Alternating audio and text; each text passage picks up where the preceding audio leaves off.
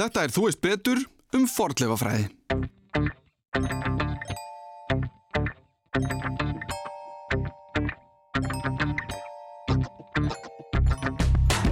Hvernig breytist Ísland þegar maðurinn kom? Hvað gerðist? Ef þú myndir finna blaðsýður úr landnámu eða Íslendingabók en þú myndir í rauninni bara ákveða þú veist, rífa þær niður og henda þeim út í sjó og ekki kíkja þær. Og það er svona svolítið staðan í dag á okkar minnjum. Allt hérna á Íslandi er það þannig að allt sem er 100 ára og eldra eru forklefar. Það er bara svo einfalt. Ok. Já.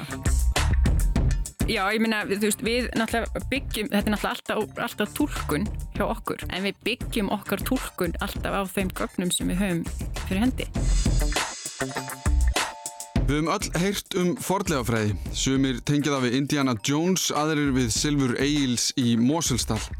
En hvernig byrjuðum við að pæla í þessu, hvernig fer þetta fram, hvað er verið að gera núna og hvernig lítur framtíðin, eins skringilega og það hljómar, út fyrir fordlegafræði? Ég fekk Lísabeth Guðmundsdóttur fordlegafræðing til mín til að fara yfir allt með mér og í næstu tveimur þáttum ætla ég reyna mitt besta að koma því öllu til skila.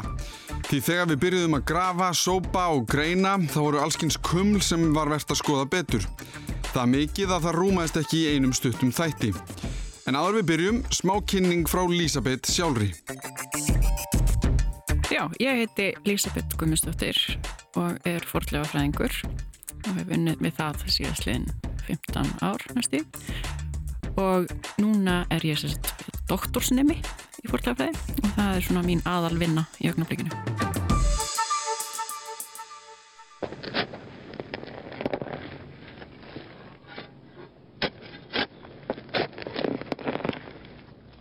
Það var sem sagt svona í kringum hérna átjóndöldina og þá uh, fóru Danin svolítið að pæla í þessu. Og hann, sem sagt prestar á Íslandi voru beðnir um að senda skrár, þeir fengur svona lista í rauninni eða spurningar sem þeir átt að svara. Og það sem þeir átt að senda í rauninni upplýsingar um, um minjar og, og stíkt sem var í þeirra, á þeirra svæði. En þessi svona, svona fordlega fræði sem slík hún voru svona uppalega var þetta rosalega mikið tengt Íslendingasögunum.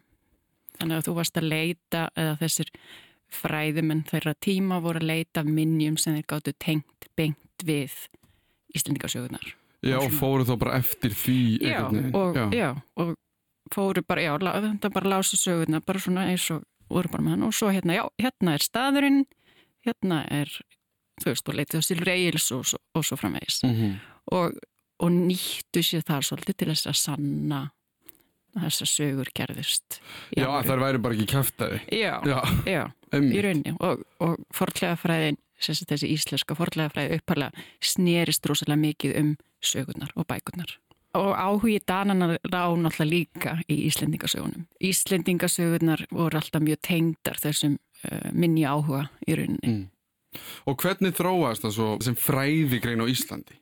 Já, svo náttúrulega bara þegar það líður á, uh, líður á og þá fer náttúrulega fólk að hugsa svona, fer, fer í nám og fer að hugsa það sjálfstæðara mm. og, hérna, og náttúrulega bara fylgir líka bara hefðum og, og, og hvernig fólk í rauninni gerði hlutina erlendis þannig að við þróumst svona við þróumst kannski alltaf svolítið svona eftir eftir hinnum en við svona við komum hann alltaf og, og fylgdum svona strömmum og stefnum þó þetta hafa kannski tekið svona aðeins lengri tíma og eins og ég sagði þá hefur náttúrulega sögu áhugin alltaf haft mikil áhrif á þessi fræði mm. en svo kom inn í rauninni nýdeild sem í rauninni bara afneitaði algjörlega öllum rítum heimildum og þá kom inn fólk sem vildi í rauninni stund að forðlega rannsóknur í Íslandi án þess að hafa í rauninni rítuð heimildunar í, í rauninni í kollinum sko, mm. þannig að bara látum núna bara forðlega að tala. Og það var líka bara mjög áhugavert að skoða í rauninni minjanar út frá þeim sjónarhóli. En svona eins og við gerum þetta núna þá í rauninni bara notu við allt sem við getum notað til þess að reyna að tólka fortíðina, hvort sem það séu veist, við tökum náttúrulega ekki eigilsögu algjörlega bókstallega en það eru náttúrulega það er, það er talað um, það eru landslagslýsingar og, og, og lýsingar á, á húsum og, og slíkt sem við getum alveg notað mm -hmm. en það kannski er ekki eitthvað sem á við vikingöldina því að þessa bækur eru skrifaðar setna en með það í huga að þetta er ekki endilega eitthvað sem var dagsatt. Þetta er svona bara eins og að vera að nota bækundinans Arnalds sem Já. svona, þú veist, Eftir 500 ár já, eða eitthvað til þess þú að... veist, og hann í, hérna, með Erlendsin í, í Reykjavík og, og þú ferð að leita af, þú veist, gödurnar eru alveg sem er gödurnar og, já, og slíkt, þú veist, Já, emmitt. en þetta er ekki endilega sögurþurraðurinn en er ekkit endilega hárréttur eða sannur. Já, það er kannski skrauta aðeins þar. Já, Já. þannig að ma maður getur svolítið skoða þetta út frá svona, ef við myndum færa nútíma bók, bók, bókmendir, þú veist, og einhver er að skoða þær í framtíðinni. Skiptist þetta þá í, að einuleiti snýst það um það, bara Já. hvernig lifiði fólk fyrir 100-200 árum Mhm. og e, síðan líka einhver söguheimild. Sko eins og þetta er í dag, að þá er þetta eins og forðlega fræði bara mjög þverfagleg grein. Mm. Þannig að þú ert með fólk í rauninni úr öllum áttum og það er rauninni það góða við forðlega fræði. Þú getur haft áhuga á svo rosalega mörgu. Þannig að mitt sérsvið er til dæmis e, timburnýting og viðargreiningar. Þannig að ég er meira svona inn í sagt, vísindalínunni. Svo sérhæfur þig til dæmis í mannabeinafræði og þú sérhæfur þig í dýrabeinafræði. Uh, svo eru, þú veist, forn plöntufræðingar. Þú getur sérhæft þig í, í þara eða þangi og á, í rauninni þetta er svo opaslega margt, jarðfræði. Þú veist, þetta er, þetta er svo fjölbreytt. Þannig að þú getur verið, eins og ég er náttúrulega mjög mikið inn í svona þessu vísindalínunni, raunvísindunum Mm.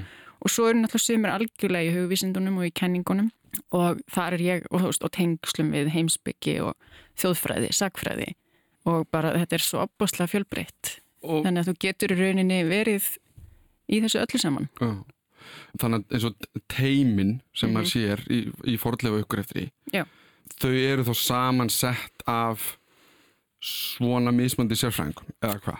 á, á Íslandi þá, hérna, þá er bara staðan þannig að við þurfum að vera við þurfum að vera rosalega fjölhæf mm þannig að við erum náttúrulega rosalega fá og það er opbáslega lítill peningur í þessi fræði þannig að með, með teimin á Íslandi veist, við þurfum að geta gert anskoti mikið. -hmm. og ef þú tekur sem dæmi með að við Noreg, þar sem peningarnir alveg bara flæða inn í fæðið líka við. Þú veist, þar ertu með sérfræðing í, í tölvumálunum, þú ert með sérfræðing í allstöðinni sem þú notar til að mæla upp. Þú ert með sé- sérfræðing í, þú veist, öllu líka við. En á Íslandi þá, hérna þetta er svona, þetta er svona bæði kostur og gallir en við þurfum að geta, geta gert í rauninni allt. Ekki endilega þú sérfræði greiningarnar það er náttúrulega alltaf með sérfræðingana. En í svona þessum hefbundna uppgreftri þá þurfum við að geta við þurfum að geta séð um allar okkar tölvumál sjálf við þurfum að geta séð um að, að hérna, emitt allstöðina sem við notum til að mæla, við þurfum að, við þurfum að kunna það allt saman. Mhm. við þurfum að geta í rauninni bara gert allt. Við erum ekki með ekki eins mikla sérhæfingu. En það líka gerir það að verkum að, að íslenskir fortlegafræðingar eru mjög vinsalir úti í Já, þeir eru landinu. svo svisneski vasanýfur Já, því að við einhvern veginn getum hoppað inn í allt Emmitt. þannig að það er náttúrulega rosa gott Hver var fyrsti svona stóri uppgröfturinn hér á landi? Þeir voru náttúrulega mjög öflýgir hérna uh, svona í kringum 1900 það var maður, sérst- sérstaklega einn maður sem hétt uh, Daniel Brún sem var danskur uh, og hann var náttúrulega bara með hóp með sér þeir alveg spændu upp hérna skálana. Þegar þú segir spændu upp, Þá var bara- bara, farið inn með skóplur það og bara skóplur og mokað upp. Já, og þeir, já, þeir voru mjög duglegir við þetta. Það sem þeir gerðu þeir sérst grófu upp úr tóftunum yfirleitt fóru þeir ekki niður í gólfin eða neitt svo leis og hérna tóku bara svona innan úr þeim og skildu vegginu eftir. Þannig að það hefur leittið þess að það hefur verið alveg hægt að grafa upp þessar byggingar aftur. Og svona besta dæmið um það er, er, er hofstæðir í Mývasvitt þar var sérst veisluskáli sem var grafin uppaflega Daniel Brún og síðan uh, síðan tók fortlefastofnin Íslands við keflinu já. uh, og gróf upp allan skálan og byggingarnir í kring. Erum við, mann líður eins og við séum að rannsaka svona svipa tímabil. Við byrjum og áhugin vex og, og, og þetta verður til hér á landi og þá kannski er áhugin alltaf mikið eins og segir á Íslandingasögurnar mm. -hmm. einhverstað verður að byrja. Mm -hmm. E- Svona, er einhver gullin regla, jú það er 100 ár, það eru forleifar Mhm. en erum við svona alltaf að á svona svipuðum svipuðu ártali? Núna? Nei, Nei, við erum bara út um allt. við erum út um allt. Já. Það er náttúrulega bara, þú veist, það er náttúrulega bara að misa eitthvað fólk hefur áhuga á. Mm. Þannig að núna er, er, er til dæmis uh, mjög vinsalt innan fortlegafræðina er nútíma fortlegafræði. Að þá er verið að skoða í rauninni fyrir svona frekar nýlega efnismenningu og rannsakana með aðferðum uh, forlegafræðinar Mm -hmm. og það er, þú veist, kollegi minn sem heitir Þóra Pétursdóttir sem er búin að vera að rannsaka til dæmis uh, minjar sem er hérna í rauninni minjar sem eru, eru á ströndinni gripi á ströndinni í dag og er að skoða þetta í rauninni út frá okkar aðferðum Mm. um, og, veist, og til dæmis er það rannsóknum síldarversmiðunar þannig að veist, það er bara misja hvað fólk hefur áhuga á Og, og er það það bara stjórnar hvað er gert í raun? það er náttúrulega þegar það eru rannsóknir og svo eru, svo eru rannsóknir sem eru vegna framkvæmda og þá er það náttúrulega ef, ef einhver fer í framkvæmdir hér á landi Mhm. og það eru fornminjar að þá verður framkvæmda aðli að greiða fyrir rannsókn á minjónum og þá náttúrulega eru við bara fenginn til þess að grafa þessar minjar upp með sem sagt, uh, út frá skilirðum sem, minjastofnun Íslands setur. Þannig að við förum bara eftir því hvað þau vilja og hvað þau setja fram og þá er það í rauninni, það hérna, gildir um þess allar þessar minjar eldri en 100 ára. Þannig að það getur, þú veist, ef maður er í þessum framkvæmda geira, það getur, maður getur lendið öllu þar. Já, bara að, að þú, þú ert að byggja hús og, og ert að grafa einhverstaðar og allt í nært eitthvað, Já. hér er eitthvað. Já. Er það þá ykkar að segja þetta er of mikilvægur reytur? Já, nei, það er í rauninni, nei, það er minjastofnun Íslands Mm. og það er í rauninni okkar svona stjórnsýslustofnun og það er hún uh, sem setur kröfunar. Þannig að við bara, við förum algjörlega eftir þeirra kröfum. Og ég meina það eru svona dæmum það að einhver hefur ætlað, ætlað að framkvæma eitthvað Mhm. og þá bara kemur eitthvað í ljós, ég veit ekki alveg nákvæmlega hvað það ætti að vera, Já, já. eða bara einhver merkilur reytur og það er sagt bara, herðu, nei, það má ekki, Mm ég veit ekki alveg hvað verður um, grafið þið bara allt upp og takið og farið, eða... Nei, em, ég svona kýsa að líta á þetta svolítið þannig að, að uppgröfturinn er í rauninni ákveðin forvarsla eða geimsla á minjónum. Þannig að upplýsingarnir sem við í rauninni öflum með því að grafa upp minjarnar eru ómyndanlegar og þetta eru upplýsingar sem þú myndir náttúrulega aldrei fá ef það væru náttúrulega bara kyrrar á sínum stað. Og við erum að varðveita þessar minjar með því sem við gerum. Þannig að við erum ekkert bara, veist, við erum ekkert bara að grafa upp og svo bara máli dögt. Mm -hmm. Þannig að þetta snýst náttúrulega um að rannsaka og við erum að reynum að rannsaka hlutina á eins sko, viðfæðmann hátt og hægt er. Þannig að veist, við erum að skoða dýrabeinin, mannabeinin, fræ og uh, plöntuleifar og við erum að reyna að koma að staði hvað var fólk að borða, hvernig, hvernig eldaða það matinn sinn, hvernig rektaða það korn, var, það rektað, var korni rektar á Íslandi eða eitthvað styrir annar stað, var það innflutt, þú þarf timpur í húsið þitt, hvar náður í timpur, ég meina, þú veist, alls konar svona sem við skoðum og það er bara alveg frá því allra smæsta yfir í landið allt og í samhengi við bara Norður Allandshafið og alla Evrópu þess vegna. Þannig að þetta er mannfræði. Já, þetta snýst náttúrulega alltaf um mannin. Þannig að því ég bara pæli hver er, ef við, við setjum Já. meina gæsilappa, tilgangurinn, hvað er Já. það sem við viljum ná fram í þetta? Það sem við náttúrulega viljum skoða og það sem er kannski mjög vinsalt í dag og bara nöðsynlegt að það er til dæmis áhrif mannsins á umhverfið og eins og við lifum bara á þessum tími í dag þar sem eru miklar umhverfisbreytingar og lofslagsbreytingar og í rauninni þetta er náttúrulega eitthvað sem hefur gerst áður. Það, maðurinn hefur þurft að takast á við lofslagsbreytingar og, og veðurfar hefur náttúrulega alveg opbóslega mikil áhrif á, því, á það hvernig við hög, högum okkur og það er til dæmis einn tegund af forlegafræði. Það er að rannsaka í rauninni þessi tengsl. Við getum skoðað í rauninni hvernig maðurinn aðlagast við breyttum umhverfis aðstæðum til forna og við getum notað þessa þekkingu í dag því að hann hefur alltaf þurft að takast á við þessa breytingar þó að séu náttúrulega alls ekki svona eins svona ekstrím eins og það er í dag sem er náttúrulega bara rosalegt. En við þurfum að geta farið tilbaka og séð í rauninni hvernig við tókumst á við þessar aðstæður. Og það er forlegafræði bara áhrif mannsins og umhverfið, hvernig breytist Ísland þegar maðurinn kom, hvað gerðist? Og þetta er líka bara, já, já, tengslum við náttúruna og, og svo Já. framleiðis Og hefur eitthvað komið fram sem að umturnar einhvern veginn því sem við heldum?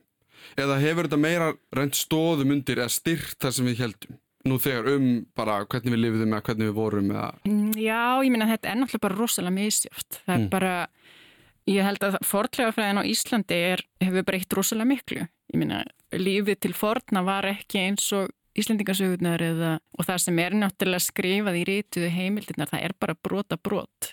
Uh, en svo þegar við skoðum í rauninni minjarnar og það sem við erum með þarna í höndunum, þar segja okkur kannski eitthvað alltaf eru sögu og það gerist alveg marg oft. Þannig að við erum sífælt að, að, að breyta og, og það er einu kosturum við forlegafræðina, það sem ég held í dag getur breyst á morgun því að Mhm. það er alltaf að koma eitthvað nýtt. Við erum aðeins byrjuð að reynsa til efsta lægið af fordlegafræðinni. Daniel Brún var mikilvægur í sögu íslenskar fordlegafræði í kringum 1900. Danirnir auðvitað líka. Aftikli okkar beindist í byrjun kannski mest að Íslendingasögunum. En hvernig hefur þetta breyst í gegnum tíðina á til dagsins í dag? Hvernig finnum við staðina sem getur geimt eitthvað merkilegt? Náttúrulega fyrsta skrefið í sagt, okkar ansóknum og það er fordlefa skráning. Þannig að uh, fordlefa skráning þá náttúrulega fer bara manneskjan á staðin, hún fer bara uh, fer kerfisbundið gegnum rituði heimildinar, örnefnaskrár og, og svo framvegs. Uh, svo er farið á jörðina og jörðin er gengin. Þannig að, og svo er náttúrulega tala við bændur og, mm -hmm. og allar þessa minjar eru, eru skráðar, nýtsettar og teiknaðar upp og veist, það er náttúrulega er grunnurinn við þessa kerfisbundinu skráningu og það náttúrulega bætist við aragrúja minnjum sem enginn vissum og það er alveg sífælt að bætast við og, og þá uh, og sérstaklega í rauninni skráningafólkið sem eru náttúrulega bara algjörir snillingar mm. Að það er alveg ofbúslega gaman að lappa um með þessu fólki því að þau kunna að lesa landi, þau sjá strax þetta væri best staðurum fyrir, fyrir bæ hérna fyrir útihús, hérna væri fjósið þau sjá þetta strax og þau bara, þau kunna að lesa landið og það er alveg þú veist, það er alveg ómetanleg þekking sem þau hafa. Ef við erum með eitthvað rannsóknarverkefni sem við viljum rannsóka eitthvað frekar og þá náttúrulega er þessi forðlefaskráning alltaf grunnurinn. Þessi forðlefaskráning, mm -hmm. hvað er það?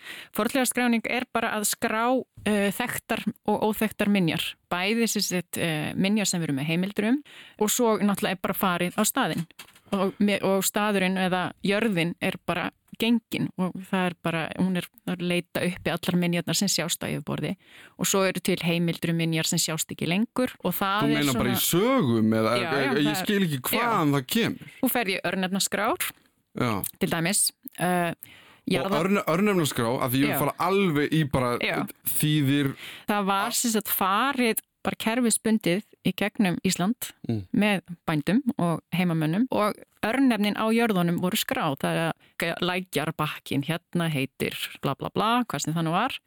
Eh, þessi hóll hérna heitir stóri hóll og þessi hóll heitir þetta. Og við uh, og þessi skráningafólki gerir eða fólk sem er í skráningu mikið að það maður les líka út úr örnöfnunum vísbendingar. Kannski er hóll hérna sem heitir smiðjuhóll. En þú sérðu ekkert á þessum hól lengur en fyrst hann heitir smiðjuhóll þá hlýtur það að tengjast smiðju eða eitthvað álíka. Og það er til dæmis eitt sem maður notar. Þetta er líka mjög mikið notað til dæmis með þegar verða að leita af kirkjustöðum eða já, kirkjum. Og þá kannski er, er staður þarna sem heitir bænhúsahóll eða eitthvað álíka. mm, og að, Og þá er til dæmis, ef fólk er í þessum, tekið til dæmis kirkjuransóknuna í Skagafyrði, og þá náttúrulega leitu þau upp öll þessi örnefni og út frá því voru teknir skurðir til þess að kanna hvort að þarna hafi verið kirkja eða gravritur. Þannig að þetta er svona hvernig við notum í rauninni og, og, þetta er allt, og svo er þetta náttúrulega allt saman hnitsett, þetta er allt sett inn í sérst, landfræðilega gagnagrunn þannig að þú getur alltaf farið á staðinn og þannig að þetta er biblían. já, þetta er bara grunn, þetta er grunnurinn. Ok, geggja, Já. ok, þá er ég komið með byrjunapunkt, sko. Þetta er svona, já, þetta er svona smá byrjun. Þetta, þetta er svona byrjun okkar í dag og Já. þetta er bara opbúslega mikilvægt og ef við tökum til dæmis uh, Skandinavíu, tökum uh, Nóri og Svíþjóð og þeir eru búin að fara í gegnum uh, sérst, forlega skráningar þeir eru á þriðju umferð veist, við erum ekki ennþá búin að klára fyrstu umferðina við erum ennþá bara, veist, það eru svo margi staðir og mörg svæði sem eru eftir Mm. og þú veist, sem er ótrúlega sorglegt því að þetta er tiltölega uh, svona að þú skoðar heilta myndina, þetta er svona frekar ódýrt, þetta er náttúrulega bara vinna var bara tími. tími, Já. um, en þú veist bara að ná að klára þessi f- fyrstu umferð, þá höfum við allan yfirsýn yfir það hvað við eigum á landinu og hvað við eigum að fókusa á, til dæmis í rannsóknum, hvað eigum við rosalega mikið af, hvað eigum við rosalega lítið af, hvað hérna vitum við mikið um og hvað ekki. Þannig að fortlefa skráningin er, er alltaf grunnurinn og sérstaklega svona eins og, eins og staðanir í dag þar sem uh, við erum með svo marga minjastæði í hættu vegna, vegna lofslagsbreytinga meðal annars. Hvernig þá? Af hverju? Uh, það er út af því að með þessum, þessar lofslagsbreytingar sem sér í stað í dag að það er að valda því að er uh, stormar eru til dæmis að aukast.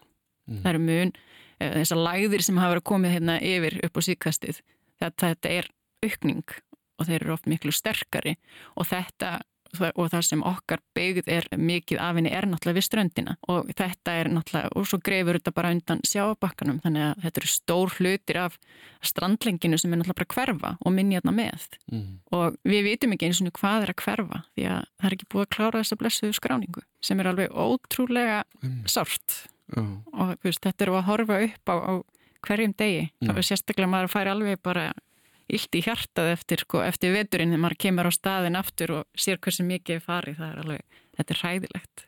Já, af því að þið náttúrulega getið ekki verið á vetunar, eða það er bara... Já, við fáum náttúrulega bara ekki, það er bara ekki til peningar í, í rannsóknir til að rannsaka þessa minjar. Og það sem ég náttúrulega, ég notaði þetta rosalega mikið, ég er svona stál frá einum kollega mínum að, hérna, ég myndi er bara að, að þú setur þetta yfir í hérna bókmenta, bókmentakýrin að, að þú myndi finna blaðsýður úr landnámu eða Íslendingabók og þú getur rétt ímyndaður hvað er þetta Fár? Já, Já, en þú myndir í rauninni bara ákvaða, þú veist, rífa þér niður og henda þeim út í sjó og ekki kíkja þér og það er svona svolítið staðan í dag á okkar minnjum Það er mjög frekar svona uh, myrk staða. Þetta, þetta er alveg, þetta er hrikalegt. Og þetta eru við að, að reyna alveg endalust að, að tala um. Og segja frá því að minjar á Íslandi þær eru einstakar og varðveislan á minjum hérna er alveg rosalega góð. Og ef þú fer til dæmis til uh, og ég hef verið að vinna í, í Noregi og, og er núna sérst, svolítið, í Damurk og Svíþjóð að rannsóknir á minjum þar veist, það, það er ekkit eftir. Þeir eru náttúrulega, er, flesta þessu eru landbúnaðsvæði sem er búið að plæja mm. algjörlega til. Veist, það er ekkit eftir nema kannski ykkur að smá hólur stóðarhólur eftir eftir stóðurnar á húsunum, það er ekkert annað eftir. Á Íslandi erum við með allt, við erum með veggina, við erum með golfin, við erum með gripina þar sem þeir eru tindust á sínum tíma. Mm -hmm. Þetta er allt enn til staðar og varfislan er svakalega góð og það er... Að því að bara þetta hefur staðið kjört í svo langan já, tíma. Já, því að landbá, landbúnaðurinn hér var náttúrulega með allt öðru móti en, en í Skandinavíu sem týðir að þetta er einn ennþá til staðar og hingað er að sækja, þú veist, erlendir forlegafræðingar bara upp á varfiðsluna og þetta er einmitt eitthvað svolítið svona sem fólk áttar sér ekki á. Mm -hmm. það lítur alltaf á þessar tóftir og finnst þetta svona hálf ómerkilegt. En þegar skoðar þetta í Skandinavíu og, og víðar og því minna þú, þú, þú átt ekki að vera að bera þetta saman við eitthvað, eitthvað í róm eða eitthvað álíka þá er varfislan hér er ótrúleg. Og þetta eru svo flottar minjar. Og eins og ég segi, þú veist, fólk er að koma einna sérstaklega út af því og þetta er eitthvað sem Íslendingar átt að segja ekki á með þessa minjar. Þannig að þetta er í raun nútímin. Ef við erum að tala um fordlefa fræða á Íslandi mm. núna, þá er hún smá erfið. Og, já, og þetta er, þetta er rosalega óþægilegt ástand mm -hmm.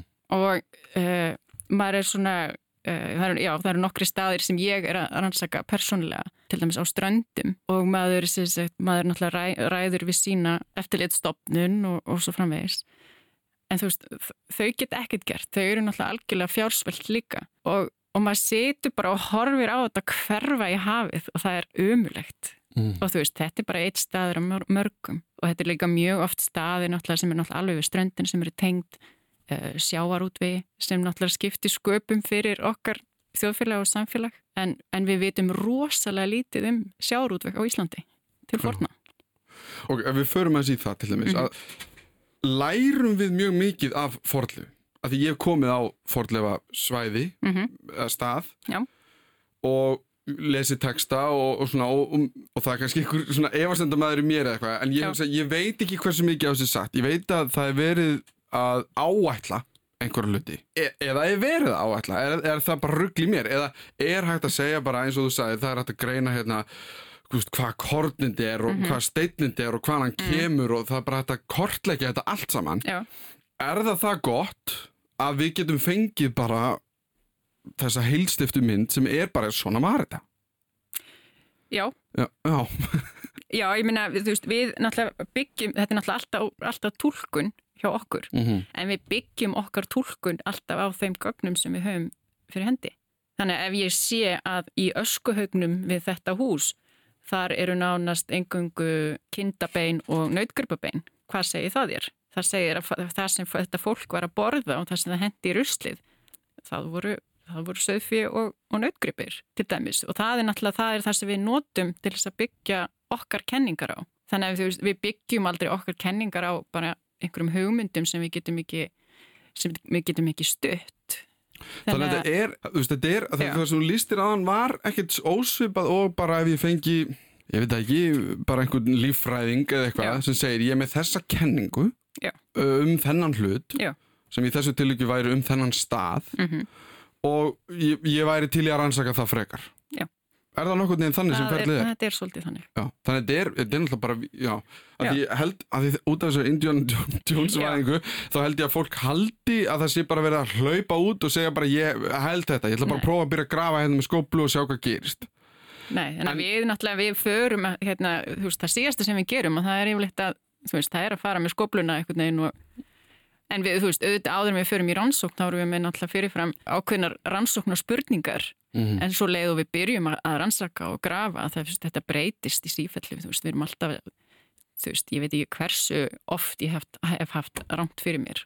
Ímislegt sem ég hef alveg, þú veist, haldið í mínum rannsóknum og svo fæ ég, emitt, dýrabeina sérfræðingin með mér í lið og, og plöndu sérfræðingin og þú veist, þau segja mér einhver alltaf eru sögu og það er náttúrulega, ég alveg, ok, þá, þú veist, það sem ég held var náttúrulega bara bull og það er líka bara allt í læg og, og þú færi bara aðra. Já, ég meina, en þú veist, þetta snýst um það að fá svona eins rétta mynd af lífi fólks til forna og lífi Íslandinga til forna mm. og með því að nota í rauninni allar, allar mögulegar aðferði sem við getum en ekki bara eitthvað þetta er það sem mér finnst ég ætla að fara að móka og ég ætla að finna það, það sem, sem ég... mér finnst ja, veist, það er bara, það virkar ekki þannig Nei Þá erum við komin að enda fyrir hluta yfirferðar okkar um fordleifafræði. Við höfum mestmægnis talað um sögu fordleifa, hvernig við byrjuðum og hvernig við ákveðum hvaða staðir verða fyrir valinu.